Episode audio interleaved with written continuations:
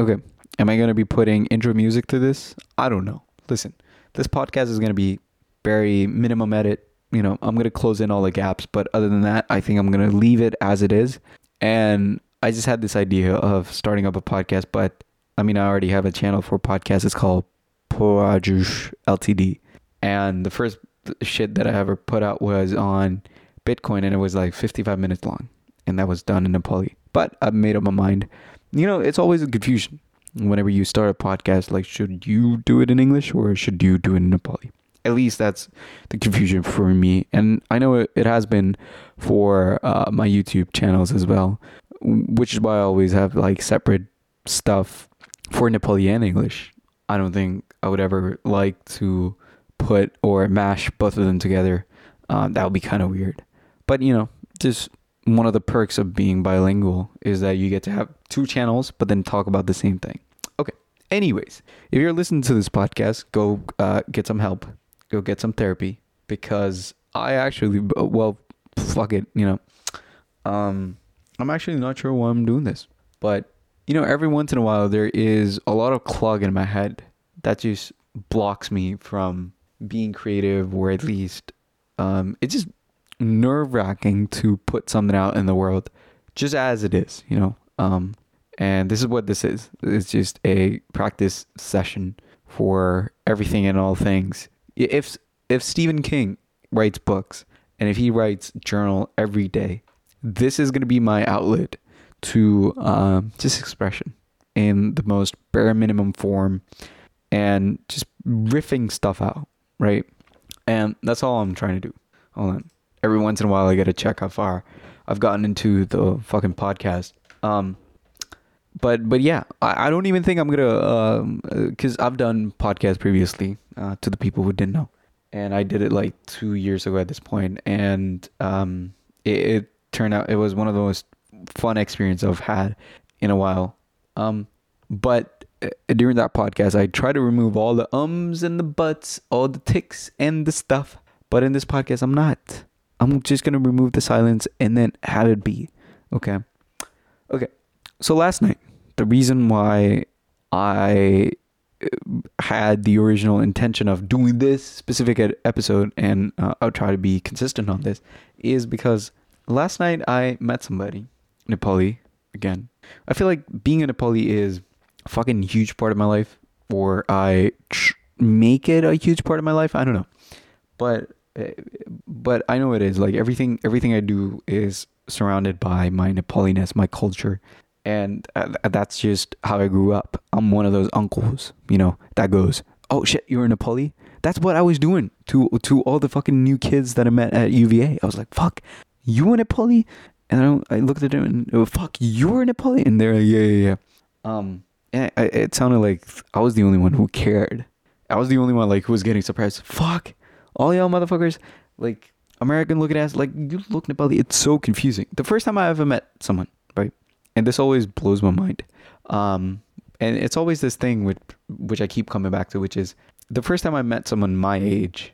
You know, I'm 21 right now. When I meet someone who's 21 or even 19 and they tell me that they were born here it's it's such a unusual feeling to me i mean the first time i've ever the, the first time i've ever met someone right i was at mason and then i was just like talking to this person i was like she was fucking uh, dead ass like american accent and then she all of a sudden starts talking in nepali and i was like fuck or, or hold on are you uh are you a Nepali? And she was like, yeah, I'm a Nepali. I'm a dead ass hardcore Nepali. what the fuck is going on? So were you born here? And she was like, yeah, I was born here. Blown away. Complete mind fucked. My mind, like, it just got ripped into pieces and every one of my molecules in my mind got blown away. Complete fuckery. Complete, like, out of this world. Like, what the fuck? If you were born here, when did your parents get here? In the 2000s 1996 you know, which will still be early for uh, Nepali parent, I would say. Because, you know, most Nepali parents, and I, I, I have a lot of sympathy for uh, Nepali who came in, bef- I mean, before it was common for Nepalis to be here. At this point, there is a strong enough community. Look, I, I, I, I do believe, sincerely believe, that I am in a very fortunate position at this stage in my life where there is a strong ass Nepali community, at least in my area, right? I can't imagine what it was like for someone in their 30s traveling to the States in the 1990s, okay? 1996, or even in the 2000s. Maps wasn't a thing. People were still rolling around with uh, paper maps. And I've met one of those people. I met one of those motherfuckers who uses a paper map still. They they don't like phones to to go around. And again, mind fucked. Why are you using paper? Because I I, I was uh, you know this is all I had. This is all I grew up with. Granted, like she's like 86 when I met her. Um, but you know, any Nepali, even if you came here at 2000, 2005, 2006, holy, I'm always curious. What was it like back then? How did you feel? Because it was a strong leap. If we were talking early 2000s, I bet, early 2000s, right? 20 years ago, I bet a lot of, majority of Nepali people had not even seen a car. At least I could be sure that at least in my town, it was a rarity. You know, my my dad probably got a car for his marriage because like he had to roll up, you know, looking nice and shit. Um, but that that was probably the only time. So you came here, you got on an airplane, you know, and I'm still talking early 2000s. You got on an airplane and you came to the fucking United States. And I can imagine like no other motherfucker looked like you. I mean, they were Hispanics, you know. Um, there were, uh, I mean, people your age are questioning you. But like, okay, so you're not a Hispanic, you're not Indian. What the fuck are you? You know, if you're not Hispanic, what the fuck are you? I mean, strange times, and you know, uh, there are certain indications. If you if you tell me you have been here for 20 years, or if you tell me you were born here, uh, and your age is 19, 20, or you know, early 20s, I automatically assume that when your parents left Nepal, which is in early 2000s uh, for your parents' case, and again, I'm talking about late teens, early uh, 20s kids, their parents. I'm just automatically guessing. Look, your parents came from a rich family. They're probably a um a uh, from Kathmandu Valley or Pokhara Valley or wherever, but they were well off. That's my prime first assumption that comes to my mind. First assumption, they were well off. Cause back in the day, fuck, what a commitment what a fucking bold step. No internet, no nothing. Newspaper, newspapers. Motherfuckers were still turning Saptahik, looking at porn and uh, Jesus. You know, it was early.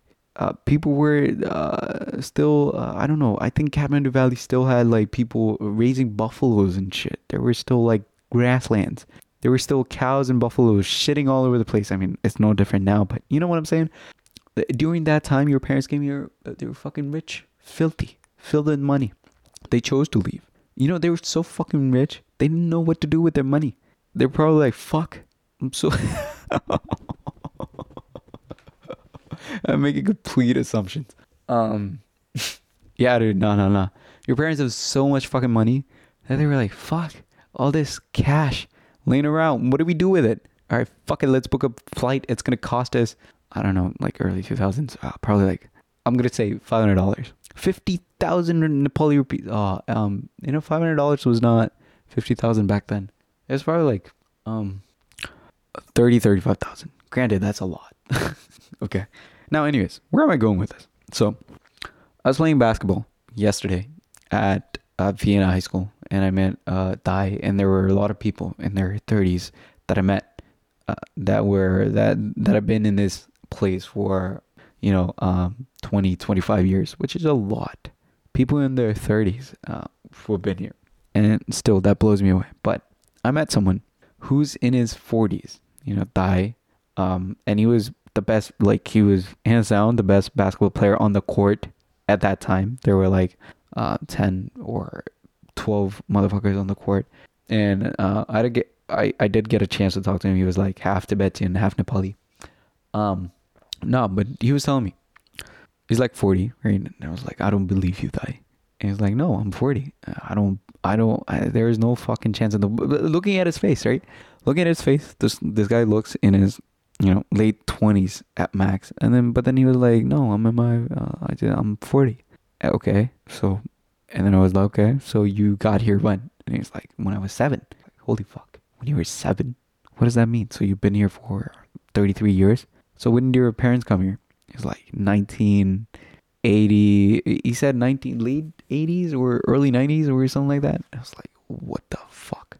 People coming in early 2000s right uh, now i have this i'm always it, it always blows me away but uh, you know i always i have certain brackets right i don't think pe- nepali people were traveling in the in the early 90s right very i mean rarity you know granted there were some people traveling of course all the rich motherfuckers were traveling of course um but uh, there wasn't a population, right? I think the first wave started late 90s, 1998 to 2000, right? That's the first wave.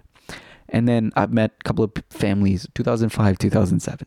And then I met a couple of people, t- 2010s, 2012s. And granted, like every one of these, one of these years always have some kind of travel. But I'm saying a bunch of folks, for whatever reason, there's a horde of people coming in in these two or three years. I've, I've noticed that. And then, um, I belong in the I, I believe I belong in the fourth wave. And after the fourth wave, it's just like all incoming. Everybody, uh, please welcome. Come on in. Come on in. Um, after fourth wave, it's just blurry, like uh, flooded. Nepalian is everywhere. There's uh, people. People are spitting pond on the side of the road. Um, i- it's getting that crazy. But you know, um, so so the the guy that I met, he has been here before the first wave even started. I mean, early, 10 years earlier. And same assumption. That your parents are fucking rich. Because imagine if it was, I mean, I fuck, I can't remember, but if it was, he was born in 1983, so seven years. I'm guessing it's like early 90s. E- Early 90s. Your parents traveling here. Um, granted, he was also Tibetan, so uh, there is some connection there. I don't know what the, I don't know what the um, uh, policies were for uh, Tibetan back in the day, but I think there were more of a leeway for uh, Tibetan people to travel than for Nepali. Um, I don't. When was the lottery introduced to Nepal? I don't fucking know, but you know, it, it's a rarity, and those people always surprise me. So, um, and I think this is, and I talked to him very genuinely and very honestly. I was, you know, I was very curious, and I told him, listen, uh, Dai, I think you're probably the oldest Nepali born here. I mean, not born here, but who came here, who's been here for 33 years. You're probably the oldest Nepali that I've ever met who's been in America for that long. And he was like, oh, really? And I was like, yeah. And then I was like, wait, hold on. Let me ask you this. Have you met anyone older than you? Any kid who's older than you that has been here for that long? He's like, no. I was like, there you go. You're you're in your forties. Um and th- and this dude is still going strong. He's super athletic.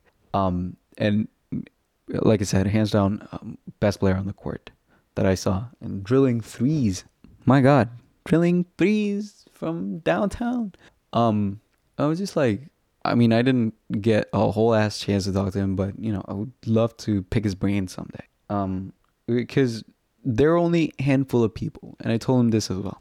If I were to scan all over the United States, there aren't that many people who have been here, first of all, for 30 plus years. It's a rarity you're probably in the top 1% and i'm probably going to say that that Dai is probably in top 25 there may be maybe somewhere in texas okay? This is my assumption. Somewhere in texas there is a group of people uh, probably in their 40s okay? Imagine someone being in their 40s a fucking nepali dude who's born here. How crazy would that be? In their 40s who was born here? I don't i, I mean I like ham like fucking five people, you know, even if I start assuming and I'm giving them like too much leeway. Five people in their forties. Um yeah, I don't know. Um it's just crazy to think about that. Fuck. Um yeah, it's just uh oh shit shit shit shit shit. I actually have met someone, I mean he's my age, but his parents were here in nineteen seventy nine. So in terms of oldest parents being here 1979 but in terms of oldest child that i've ever seen hands down that Dai at the court And I don't know if it's a compliment, but it does make for an interesting subject. One day I would love to find out whoever is that guy. I don't think they're in their 40s yet. I'm probably going to say in their mid um, and I'm talking about uh, not been here when they were 7 but born here, like born born American, American nationality by birth. Um you know, that would be interesting and I would love to fucking um someday sit down with that person and then um you know just have a conversation. See what's up. How you doing? Um yeah but uh that was just something that i was thinking about today. And um i recorded if you're listening to this thank you for making it to to the end. Bye bye